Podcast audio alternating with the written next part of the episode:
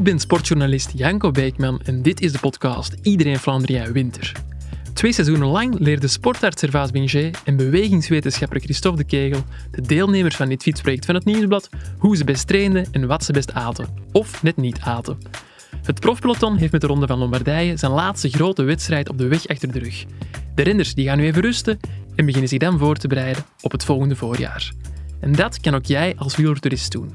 In deze podcast leggen Christophe en Servaas uit wat hij in de wintermaanden moet doen en laten om perfect voorbereid aan de start van het nieuwe voorjaar te staan.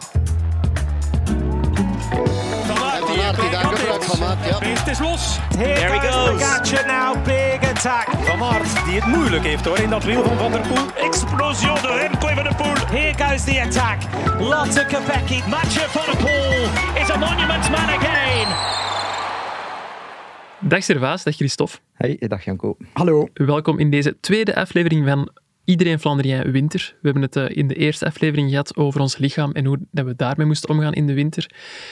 We gaan het nu hebben over voeding en uh, winterkledij. Mhm. Uh, ja, winter, ik associeer dat meteen met kou. Ik heb vroeger gevoetbald en heel veel mensen gaven mij toen een tip van ja, als je gaat voetballen, doe er een beetje peper op je voeten tegen de kou, om geen bevroren voeten te krijgen. Is dat een goed idee? Ik, ik dacht dat ze in het wielrennen rare gewoontes hadden, maar, maar blijkbaar hebben ze dat in het voetbal ook. eh. Geen goed idee dus. Maar ik denk niet dat daar eh, heel veel wetenschappelijk onderzoek al, al naar gebeurd is. Een stukje kan ik misschien ergens een link leggen. Eh, er, er is, eh, in peper zit er een substantie, capsaicine, Mhm. dus, die ook in zalven gebruikt wordt, die een stukje pijnstillend kan werken. Maar of dat, dat door peper op je voeten te doen, echt u door bloeding in uw voetbalschoenen gaat verhogen, daar, daar twijfel ik Ik heb het nooit geprobeerd, gelukkig eh, misschien. Ja. Hebben jullie andere huistuin- en keukentips voor, voor wielertoeristen in de winter tegen de kou? Ja, de winter is eh, een donkere periode, is eh, een koude periode. Als we evolutionair even eh, duizenden jaren teruggaan, Mhm. dan is de winterperiode ook een periode waarin dat ons metabolisme een beetje trager werkt. Sommige dieren gaan zelfs in winterslaap. Ja. Dus dat beseffen, dat, dat de winterperiode, als je, dat dat niet de periode is voor, voor grote topprestaties. eh, tenzij dat je natuurlijk topsporter bent en, en in die winter je, piek legt, dan kan je dat wel een beetje bypassen. Dus inderdaad, we hebben het in de vorige aflevering daar ook heel uitgebreid over gehad. Pak, pak daar even die rust. En dan ja, dan komt het een stukje op motivatie aan. Hè. Eh, Ja. Dus, want het is inderdaad leuker om als het 30 graden is buiten, gewoon broekje, truitje aan te doen en poef, je bent weg. Ja, in de winter is dat allemaal iets omslachtiger en dan vallen er een keer druppeltjes of, of eh, en dan moet je beginnen hè, met eh, lange broek en overschoentjes. dus uw, uw time to start is eigenlijk... Het duurt allemaal iets langer Ja, wel. De drempels zijn wat groter. De drempels zijn Ja. groter. Als we toch al onze moed bijeen hebben geraapt en naar buiten gaan, waar moeten we dan allemaal zeker aan hebben om het niet te koud te hebben? Ja, koude is natuurlijk hè, wat dat we het meest vaak tegenkomen in de winter. Ehm, we kunnen daar een aantal dingen rond doen. Eerst en vooral moeten we weten, even blijven stilstaan bij die koude en sporten. Wat gebeurt er dan eh, net allemaal? Uw lichaam gaat in principe zijn bloed een beetje herverdelen. Het gaat eh, naar de cruciale organen sturen, iets centraler dat bloed vasthouden en zeggen van kijk, ja, hier moet het zeker warm blijven. Dus die uiteinden van, die licha van ons lichaam, handen en voeten en zo, Ja, puntje die- van de neus, oorlelletjes. ja, eh, dat, zijn, allemaal super cruciale sites die je moet proberen warm houden, waar dat je zeker geen energie, want het is uiteindelijk warmteverlies is ook energieverlies, daar komen we straks nog wel, eh, nog wel toe. Probeer die cruciale sites warm te houden. Ik denk dat er tegenwoordig echt Ja. qua overschoenen en handschoenen bestaat er heel veel specifiek materiaal die de pepermiete een stukje kan compenseren, maken, ja. kan compenseren, denk ik. Eh, dus dat zijn al heel, eh, heel cruciale Ja. punten. Ik denk dat het belangrijk is om, om het warm houden, zegt Christophe. En dat is een heel belangrijke term. Want een keer dat zo'n vingertop of, of eh, dat, dat dat koud heeft, is het heel moeilijk om dat in dezelfde trainingsrit eh, nog, nog op te warmen. Mhm. Eh, dat, dat is een beetje een mythe dat we denken dat we dat kunnen terug opwarmen. Ja. Maar je zegt warm houden, is het dan een slim idee om eh, een warme douche te nemen voor ik vertrek? Wa- Warme douche nemen, voor, wa- wat gaat er gebeuren als je een warme douche neemt? Dan gaan je bloedvaten eh, wel even open gaan zetten, maar als die bloedvaten helemaal openstaan vlak voordat je vertrekt, ja, het is net doordat ze openstaan dat we ook heel veel warmte gaan verliezen. Ja, Eh, Oké, dat is dus ook niet goed. Dus eh, nee. Nee. ik denk, je hoeft eigenlijk niks speciaals te doen op voorhand. Eh, zorg dat je, dat je je aankleedt binnen. Ik denk dat dat een heel belangrijke is. Dus kleed je nog aan in de, in Ja? de kamertemperatuuromgeving. Het is niet dat je je handschoenen eerst voor de kachel moet houden Nee, nee. Om, om, voordat, je, voordat je ze aandoet. En eh, plan je training goed. Ik denk dat daar in de winter ook een grote winst ligt. Als je een uur en een half, twee uur op de agenda staan hebt, eh, kijk op voorhand een keer goed naar eh, de weersvoorspellingen van eh, wanneer kun je droog blijven. Want dat is een heel belangrijke. Je gaat veel sneller gaan afkoelen als je naast de kou nog een keer nat wordt ook. En nat word je sowieso, want je zweet. Ja. En, en ook daar zijn in de kledij heel mooie, ja, mooie sprongen vooruit genomen de, de laatste tien jaar. Maar ehm, nat worden en ja, dat geeft, geeft sneller afkoeling. En dat, dat, ja, dat kan soms lastig zijn en pijn doen. Zeker als je dan met echt bevroren vingertoppen of, of eh, bevroren tenen eh, nog 20 kilometer naar huis moet. Dat is niet eh, alles. Dat is vervelend. Laagjes, die zijn ook ontzettend belangrijk. Hè? Laagjes, absoluut. Ehm, er zijn een aantal hè, principes. Thermoregulatie, hè, dat, dat, dat begint eigenlijk met, met verschillende laagjes aandoen. Ehm, ik denk dat daar ook belangrijk in is. Je kleedt u om te starten, maar ja, overdress u niet. In principe, je moet u goed kleden op kamertemperatuur. Maar ga er ook vanuit dat na 10 of 15 minuten fietsen je lichaam op een natuurlijke wijze wel een beetje gaat opwarmen, zodanig dat het dan gepast is. Want wat dat ook problematisch kan zijn, Servaas heeft daar net aangehaald, op het moment dat je te veel gaat zweten, ja, dan wordt alles wat, Ja, wat nat. wat en, dan gaat, ja, en nat of vocht onttrekt eigenlijk warmte of energie aan ons lichaam. Dus overdrijf daar ook niet, eh, niet in, zou ik zeggen. En de laagjes, hoe gaan de laagjes werken? De laagjes gaan eigenlijk gaan werken door het feit dat er dan tussen twee stoffen Ja. eh, een, een microscopisch luchtlaagje ligt. En dat luchtlaagje gaat heel snel onze lichaamstemperatuur overnemen en gaat eigenlijk op die manier een stukje gaan isoleren. Eh, Zoals bij een huis eigenlijk. Ja, of meer. ja, inderdaad. Een Eigenlijk soort is dat, spouw. eh, Ja, ja, inderdaad. een dat beetje eh, hetzelfde, ja. beetje hetzelfde principe. Een spouwmuur rond ons lichaam, daar komt het op Ja, neer. maar er moet geen peper in de spouw. eh. Glad en pepervaatje thuis. Ehm, ik associeer de winter niet alleen met koude, maar ook met, met donker. Dat is gevaarlijk. Wat moeten mensen zeker aandoen als ze Een in het lichtje. donker gaan rijden? Een lichtje. Ja. Alleen een lichtje? Nee, nee, nee. Ik zou, ik, ik- voor uw eigen veiligheid, kies alsjeblieft voor eh, heel lichte en reflecterende kledij. Ik, ik schrik er altijd van eh, hoe slecht een fietser zichtbaar, Zichtbaar kan is. zijn. En zeker in die, ja, ze spreken altijd zo van de zes donkere weken. Ik weet niet wanneer, van november ergens tot, tot januari, denk ja, ik.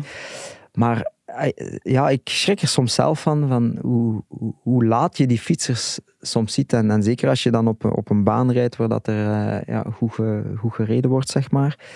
Ja, dan kun je maar zoveel mogelijk doen. Dus zorg voor goede verlichting op je fiets die, die van heel ver te zien is. Daar zit eh, tegenwoordig hebben we heel goede lichtjes die ook wat beweging geven. Ik, eh, ik hou er zelf van als ik eh, mijn achterlicht dat dat pinkt en, en, en ja, dat een beetje disco, discotheekachtig. zit daar ook met disco-muziek, of hoe moeten we dat zien? Nee, nee, nee, nee. Ik fiets misschien soms in de zomer een klein beetje met muziek, want dat is misschien ook wel eens een, inter- een interessante discussie.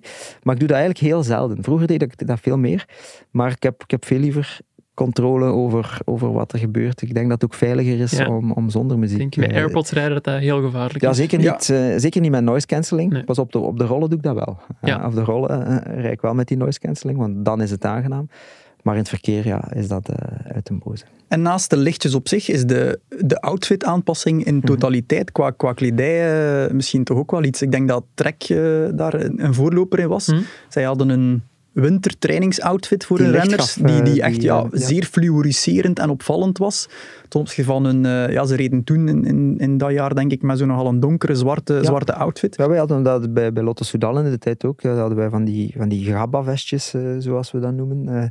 En eigenlijk het logo dat daar van achterop stond, dat, dat, ja, dat absorbeerde zo wat licht. En, en in het donker gaf Ah, dat, oké. gaf dat Want de meeste, ja. ja. de wielerkledij nu ziet er allemaal ook wel wat hip en trendy uit. is meestal heel strak, effen qua kleur. Ja, weet je, weet je, dat is een fractie van een seconde. Als je, als je een automobilist hebt en, en je ziet u rijden, ja, als je dat kunt oplossen door een extra kledingstukje of, of al is het reflecterende eh, broek eh, of strepen op de broek, Ja. dan heb ik, weet je, we, we, we hechten daar heel veel belang aan eh, bij de, bij de kinderen als ze naar school fietsen, van de hesjes aandoen, dit en dat.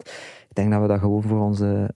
Dus het geldt niet alleen voor, voor wielrenners, het geldt volgens mij ook voor, Voor lopers iedereen. en voor... Ja. eh, Inderdaad. Zorg dat je zichtbaar bent. En dat je zelf ook goed ziet, want dat is, dat, dat is nog een, een tweede vervelendheid. Je fietst dan bijvoorbeeld langs de, langs de vaart of langs het kanaal, ik zeg maar iets. En daar liggen dan wat takken, daar liggen wat blaren. overdag zie je dat als dat klaar is en dan anticipeer je daar onbewust op. Uh, maar als je ja, in het donker fietst, dan, dan kan je daar niet altijd zo makkelijk op anticiperen. En als je dan op een grote tak strandt en je wiel slaat weg.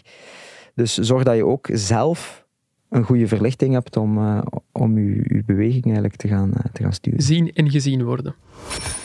Jullie hebben eh, in de eerste aflevering ook heel hard benadrukt dat voldoende rust belangrijk is. Rustperiode kan ervoor zorgen dat mensen een paar kilootjes bijkomen. Mm. Dat is op zich niet erg. En de koude in de, in de winter biedt ook een opportuniteit. Heeft Christophe mij verteld in onze voorbereiding in de slaapkamer. Daar vallen ook calorieën te verbranden.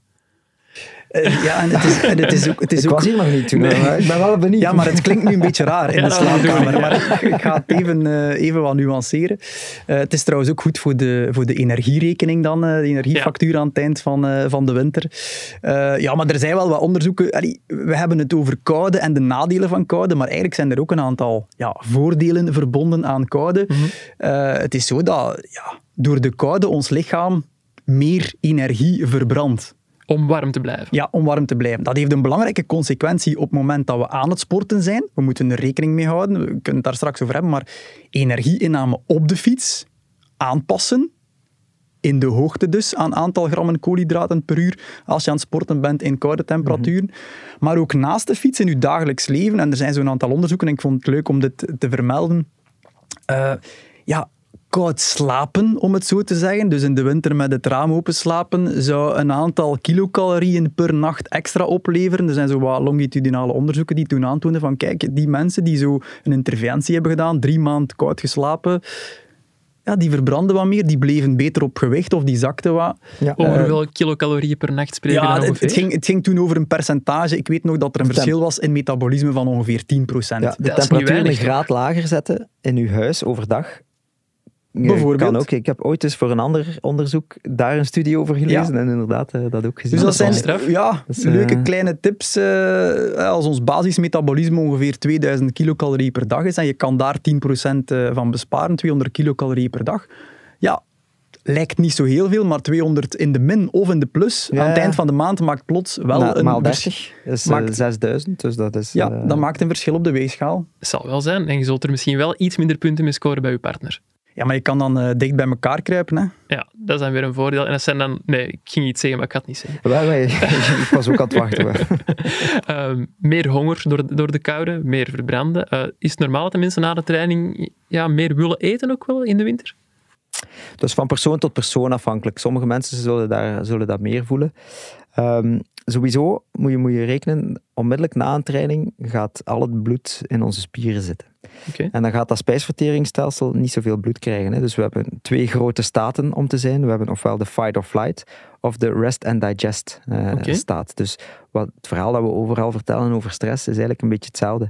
Een training is ons lichaam even in die fight or flight brengen. Uh, en dus heeft het lichaam na die uren even tijd nodig om terug in die rest and digest te komen. Okay. Dus eetlust is heel vaak vlak na een training een klein beetje onderdrukt. En je gaat eigenlijk het gevoel hebben van ik heb nu geen honger. Het is wel een beetje een misselijk gevoel zelfs na een ja, zware voilà. inspanning. Als je, zeker als je diep gegaan bent, en dat komt omdat echt het lichaam kiest. Hè? Dus het lichaam kiest ofwel voor het spijsvertering, uh, ofwel voor de spieren. Dat okay. is eigenlijk de vereenvoudigde versie daarvan. Dus dat, dat, dat gaat niet plots op één minuut terug in orde en terug naar de, naar de spijsvertering gaan. Maar net dat is, is de valkuil. Want het is net belangrijk om, om in dat, zeker in dat eerste uur, en liefst zelfs toch, bij, bij topsporters doen we het zelfs in het eerste half uur. Dat is een beetje de golden window of opportunity, om de voedingsstoffen op te nemen. Okay. Uh, we zien echt dat je na, na twee uur die voeding en, en, en de, de, suikerreserves uh, en de eiwitten, die dan als bouwstoffen voor je spierherstel gaan dienen, dat je die veel minder goed opneemt.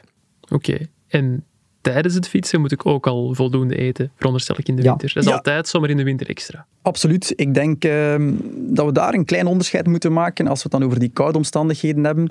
We proberen in de winter eigenlijk een beetje restricted koolhydraten in te nemen. Omdat dat net de basisuithouding en het vetverbrandingsmetabolisme extra triggert. Ja. Maar die limiet, we hebben die ook in de, in de campagne van Iedereen Flandrien het voorbije jaar, die limiet om die systemen net te stimuleren stond ongeveer op 30 gram koolhydraten per uur. Een banaan per uur ja. is ongeveer gelijk aan 30 gram, om daar okay. een idee over te geven. Maar als het minder dan ja, 5, 6 graden is, dan gaat die 30 gram echt te gelimiteerd zijn. Dan, omdat dan we, mag je dat op 45 zetten. Ja, maar wel ik, meer eh. zijn. dan mag dat Ja. zeker richting 45 per uur, omdat de algemene verbrandingskacheltje van, om gewoon het lichaam warm te houden, het stukje die niet bijdraagt tot de sportprestatie op zich, ja, dat moet echt wel blijven branden, om het zo te zeggen. Ja, jullie spreken over bananen. Er zijn ook ja, repen, denk Mhm. ik, om koolhydraten binnen te krijgen. Met al die kleren aan, handschoenen aan, wel niet altijd evident om die open te krijgen. Hè? Zeer belangrijk. Dat is een van de redenen waarom dat sommigen tegen de hongerklop aanrijden. Ze, Ja. ze komen net letterlijk aan het eind van een uitdaging of training of wat dan ook, komen ze binnen en zeggen ze ja, ik, ik Mhm. kon er niet aan. Of ja, ik had het zodanig koud, alles was een beetje verkrampt.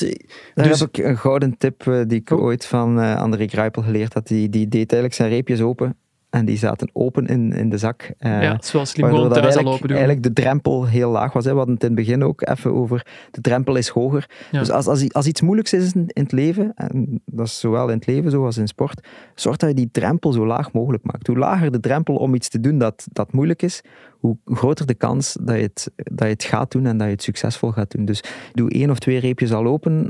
Dat, dat past ook bij die trainingsplanning. Hè. Dus zorg dat je inderdaad weet van dan ga ik eten, dan ga ik eten. Ja. Hop, de reep is open en ik kan zelfs met mijn handschoenen, ik moet mijn handschoenen zelfs niet uitdoen, om eh, te die, die voeding in mijn, eh, in mijn mond te steken. hè. Belangrijke tip eh, richting voorbereiding van de training, denk ik. En ook daar houd er rekening mee. We hebben het daarnet gehad over verschillende laagjes. Mhm. Ik heb er ook al heel veel gehad. Ze hebben alles perfect op de juiste plaats gestopt, maar het zit twee laagjes verder. Het buitenste laagje is de beste plek om je Ja. voeding te bewaren. eh, Lijkt mij ook ja. wel. Is er ook een eh, drempel, eh, om het, nee, een drempel om het drinkje eh, te bevorderen? Ja, drinken is eigenlijk nog belangrijker, omdat we minder dorst gaan hebben. Eh, door de koude gebeurt er iets en gaan we eigenlijk een, een lagere dorstreflex Hm, hebben. ja. Maar de vochtbehoefte blijft hetzelfde, zo niet als ze zelfs niet een klein beetje hoger gaat zijn. Door het verhaal dat Christophe daarnet vertelde van de laagjes. En het vocht dat toch een klein beetje blijft zitten, zelfs bij de, bij de moderne eh, doorlaatbare stoffen eh, gaan we altijd een klein beetje meer vochtverlies hebben. Blijft het dus super belangrijk om te drinken.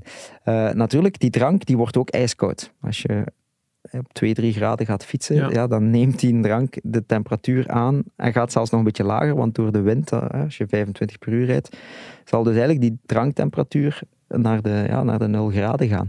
Eh, en wat gebeurt er dus? We, we steken dat vocht in onze, in onze maag en onze kerntemperatuur gaat eigenlijk nog, nog naar beneden gaan. Ah, oké. Dus er, er, er is in de tijd hebben wij heel veel onderzoek gedaan naar bidons die zo lang mogelijk eh, een thee bijvoorbeeld warm hielden. Ja, als je thermos echt- kun je niet meenemen natuurlijk op de moeilijk, fiets. maar eh, wat dat je wel kan doen, is, is als je echt zegt van kijk, ik moet een training doen van, van twee uur, twee uur en een half, drie uur en het is echt berenkoud, bij wijze van spreken.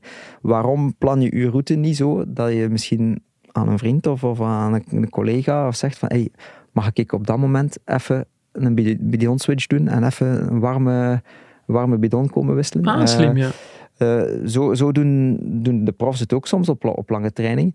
En ik denk dat dat wel belangrijk is van, doe dan gewoon de bidon switch. Ga niet binnen, drink een koffietje, chocomelk, want dat maakt het soms een beetje moeilijker. Eh, want dan ben je weer helemaal opgewarmd en dan ga je weer gaan afkoelen.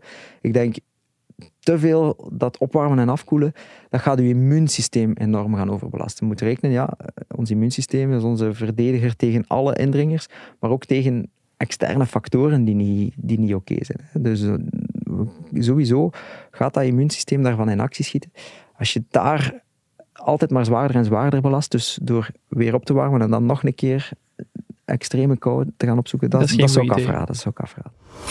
Lotto, trotse gangmaker van de chaspatat, de goeibenen, de wieltjeszuigers, de demarrage, de bezemwagen, de man met de hamer, de meesterknechten, de muzet, de souplesse en het vals plat. Lotto, trotse gangmaker van de koers. We hebben het nu gehad over eten, over drinken. Moet ik als wielertoerist in de winter ook ja, vitamines of, of extra voedingssupplementen gaan nemen?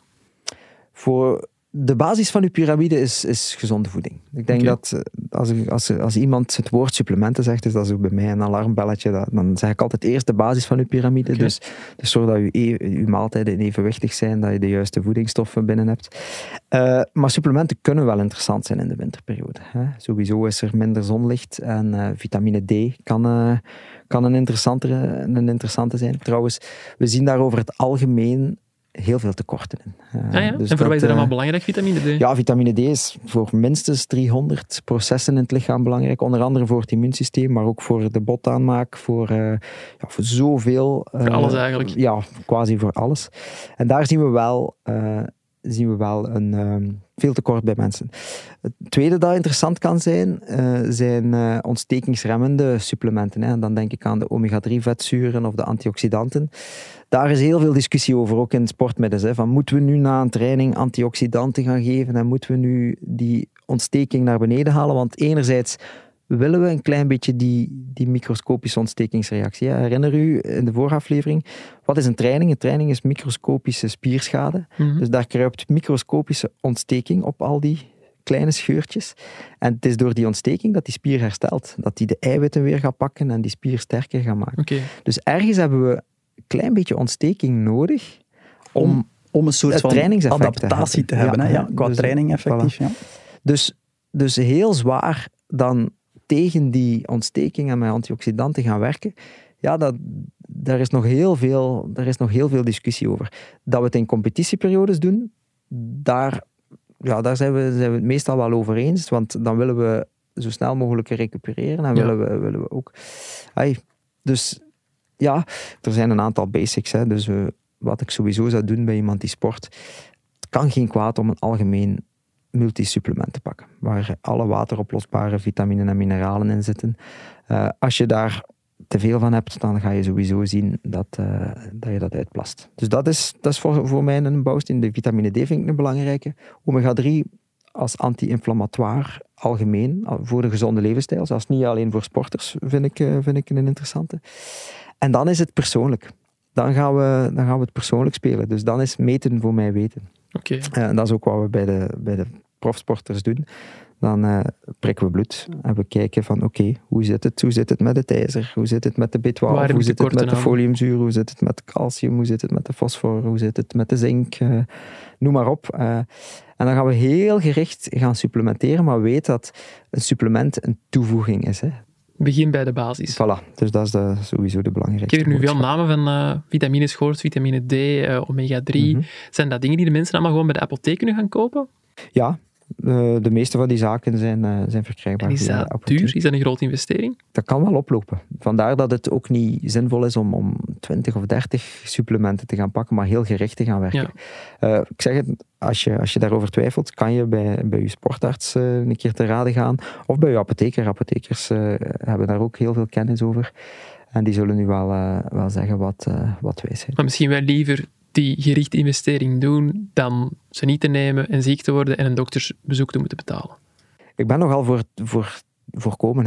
ja, ja, dus, ja, ik, ik wil u dus, uh, niet tegen uw winkel Nee, nee maar absoluut niet. Ik, uh, Hij schrijft boeken nooit mee naar de dokter, dus op zich wil dat dan zeggen... Hij schrijft ze tegen zijn eigen winkel. Ja, ja. Nee, maar, maar, een coach maakt zichzelf overbodig. Hè, ja, dat is waar. Dat, is waar. Dus, uh, als we onszelf, dat geldt voor een topmanager ook, zeggen ze. Dus dan, als die op vakantie kan en alles draait, dan is het goed.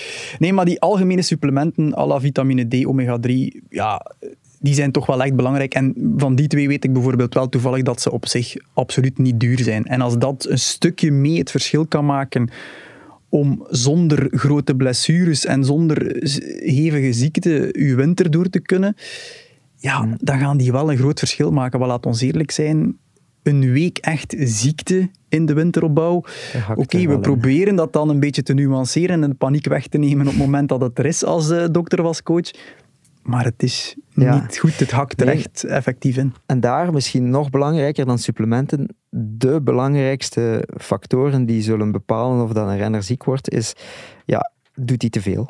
Uh, dus als je te veel doet en, en je, je progressie te snel gaat, dan ga je een hogere kans hebben op ziek worden. Rust hij te weinig, dat is heel vaak de oorzaak. Slaapt hij veel te kort uh, of slaapt hij niet in de, in de juiste omstandigheden? En dan, ja, ondertussen weten we ook hoe we onszelf een stukje kunnen beschermen tegen infecties. Uh, overal in gesloten ruimtes gaan, heel veel handen en knuffels geven, verhoogt natuurlijk ook het risico. Hè. De dus, feestdagen, uh, ja. Dat is, uh, ja. Niet te veel kussen met de tantes en de onkels. Niet te veel kussen en ook in die periodes hoeft de training niet op, op zijn top te zijn ook. Dus train dan eh, misschien in die ja, als de training, ook even de wat trainingload minder. daar een beetje minder is, dan ben je minder vatbaar. Dan hè. heb je minder risico. ook. Ja, de, dus- de grootste windows qua risico's zijn bijvoorbeeld op het moment dat wij terugvliegen van een stage huiswaarts. Ja, dat is een groot Ja. risico. Een vliegtuig is een Ja. bron van... Ik ben net super hard getraind. ja. En Hard getraind, veel load en inderdaad in beperkte ruimtes met heel veel mensen. Ja. En heel veel ja, contacten die je eigenlijk niet echt wil, maar je, ja, je, je raakt dingen aan. Eh, dat, dat zijn echt, eh, echt broeihaarden qua risico. En we zien ook elke keer, twee, drie, vier dagen nadien, na die terugreis, heb je er dan zo'n heb en je dan het, aantal die... Ja, Ja, ehm, ja. ja. Vliegen de profs dan nog met een mondmasker tegenwoordig? Wel, ik heb altijd gezegd eh, dat ik dacht dat het mondmasker gegeven voor reisdagen, dat dat bij bepaalde ploegen ging blijven. En het is niet het geval. Ja, het is misschien Ja. nog wat vroeg om in te schatten. Het gaat nog zo met lichte pieken, maar misschien gaan we nu weer een soort van winterpiek, eh, gaan we dat Mhm. misschien zien. Maar algemeen, ik, ik geloof in de... In de Oké, we moeten de immuniteit opbouwen, zeker en vast, maar, eh, maar de risicobeperking van zo'n terugreisdag na een zware loodstage, ja. Ja. Ja, dat lijkt me toch wel interessant eigenlijk.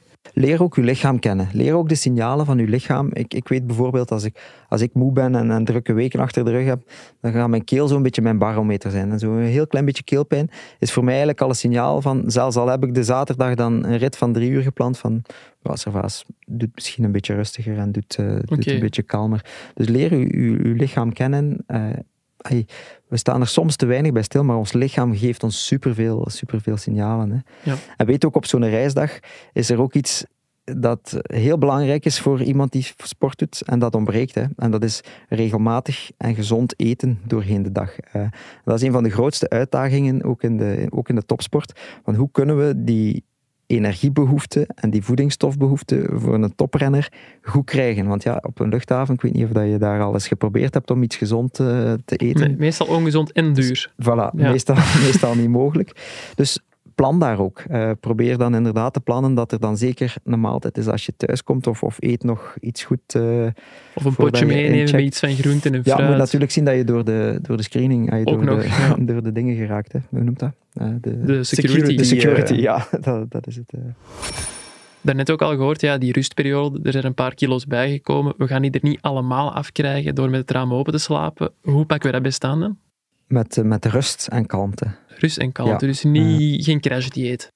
Nooit crash dieet. Nooit een crashdieet, nooit een goed idee. Nee, dat is nooit een goed idee. Vooral niet op het moment zelf, omdat dat u een heel grote kans geeft op voedingsstoftekorten en eigenlijk u heel snel in overtraining kan, eh, kan gieten. En het tweede is dat je eigenlijk hoe meer van die crashpiekjes en diëten dat je doet, hoe abnormaler je metabolisme gaat worden en hoe meer dat je de volgende winter gaat bijkomen, bij wijze van spreken. Eh, Het is ook zeker Dus, niet aan te raden in combinatie met, met sport. Hè. Dat maakt het nog een stukje erger. We hebben het daar ook eh, in de vorige podcast, denk ik, eventjes over gehad. Maar probeer een soort van gewichtscontrole te doen en niet te veel te crashen naar boven toe dan in gewicht.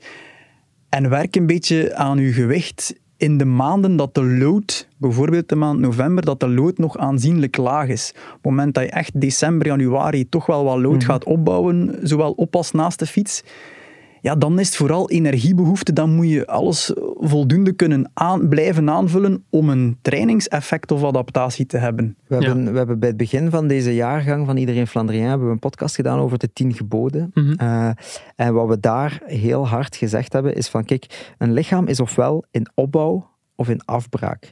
En we weten dat als we gewicht willen verliezen, dan brengen we per definitie het lichaam in afbraak. En dan kunnen we dus eigenlijk geen trainingsopbouw gaan doen. Dus als we willen verbeteren en onze prestatie willen bevorderen, dan, dan gaat dat eigenlijk stricto sensu wetenschappelijk niet samen met ook gewicht willen verliezen. Nee. Dus het is een keuze dat we op dat moment moeten maken. Van gaan we trainen in functie van gewichtsverlies of gaan we trainen in functie van prestatie? Dus de winter is ideaal om toch een paar kilo's te verliezen. Ja, maar probeer het inderdaad te beperken. Hè, door, door, door, ja, je moet niet, niet, niet plots alle remmen los gaan doen, waardoor dat je 5, Nee. 6 kilo bijkomt. Dus probeer eigenlijk gewoon een regelmatige levensstijl en, en komt daar een, een, beetje ki- kilo's bij. Dat is op zich zo niet erg. En ik zou ook niet te veel die focus op die, op die weegschaal gaan leggen. Want Ja. ik zeg het, wat, het laatste wat ik wil, twee dingen die ik niet wil. Ten eerste wil ik zo absoluut geen, geen, geen bodyshaming en zo doen. En de tweede wil ik absoluut ook niet dat mensen zodanig gefocust gaan zijn en zodanig veel stress gaan krijgen om, om de cijfertjes goed te hebben, dat er eetstoornissen ontstaan. Hè. Want dat, het risico bij duursporters is nu eenmaal wel groter. Hè. Ja, ik merk als ik aan het eten ben dat ik ja, bijna dagelijks op de weegschaal ga staan. Mhm. Is dat een goed idee? Ik denk dat dat ook voor iedereen verschillend is. Ehm, bij sommige mensen zal ik adviseren van kijk, stel u elke dag in de weeg, op de weegschaal. Uh, en bij anderen ga ik zeggen van stel u één keer per week op de weegschaal. Dus dat moet je een beetje voelen voor jezelf. Als je weegt uh, dagelijks, dan denk ik dat een heel belangrijke boodschap is om niet elke dag de, de, de trend te gaan willen bekijken. Een trend moet je bekijken over een langere periode, moet je Ja. over twee, drie weken gaan bekijken.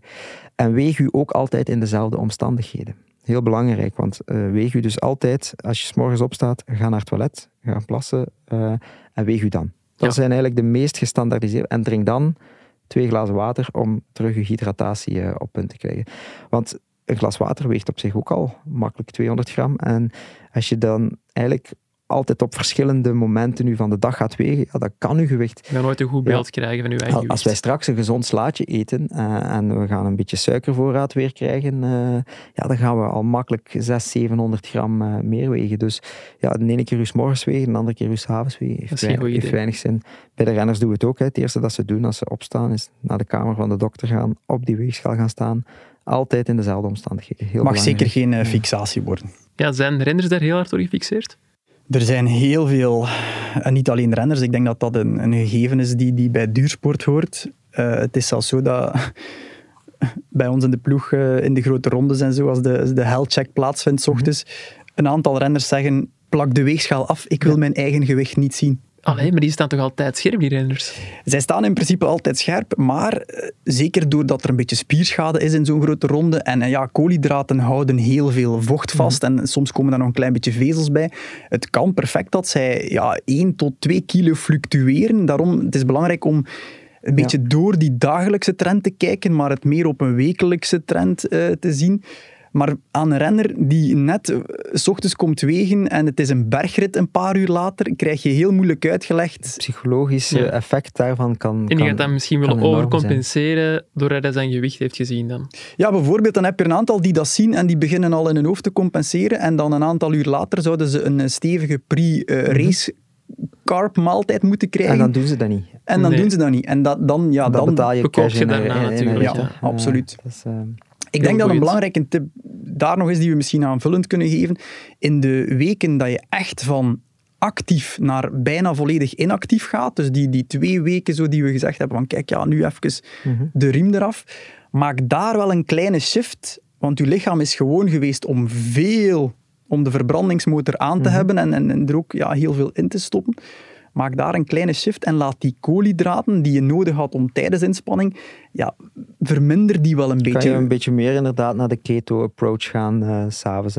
Maar ook dat mag je dan weer niet te lang doen, want dan, zeker als je dan terug in de opbouw begint en je blijft die keto heel zwaar doen, dan zien we toch ook wel dat dat ja, een beetje stress creëert voor het lichaam en, en op die manier ook wel weer kan zorgen dat je sneller ziek wordt en dat je meer risico hebt op overtraining en zo. Dus ja, het is niet altijd een makkelijke balans. Nee. Stap 1, luister naar uw lijf. Uw lijf vertelt u veel meer dan dat je zelf denkt. Dus moet niet altijd naar ons luisteren. Mocht u ook naar uw eigen, naar uw eigen lichaam luisteren. Eh, en stap 2, als je dan zegt van oké, ik, wil, ik wil het echt goed doen, kun je altijd eh, laten adviseren door, door iemand die er iets van kent of, of door eh, er een paar artikels of boeken over te lezen. Ja. Er, is, er is zoveel informatie beschikbaar.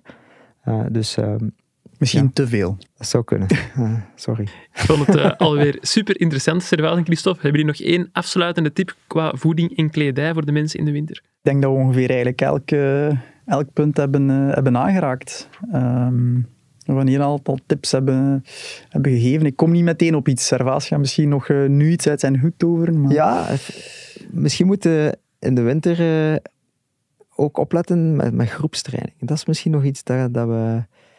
eh, weet je, in de winter komen we allemaal uit, uit onze eigen rustperiode. En als je dan al onmiddellijk samen met je vrienden gaat fietsen, dan, eh, dan bestaat het risico wel dat je een keer wilt meten. Eh, en dat is ook een van de, van de gevaren en van de, van de valkuilen die, die ik vaak zie bij, bij mensen die, die sport doen.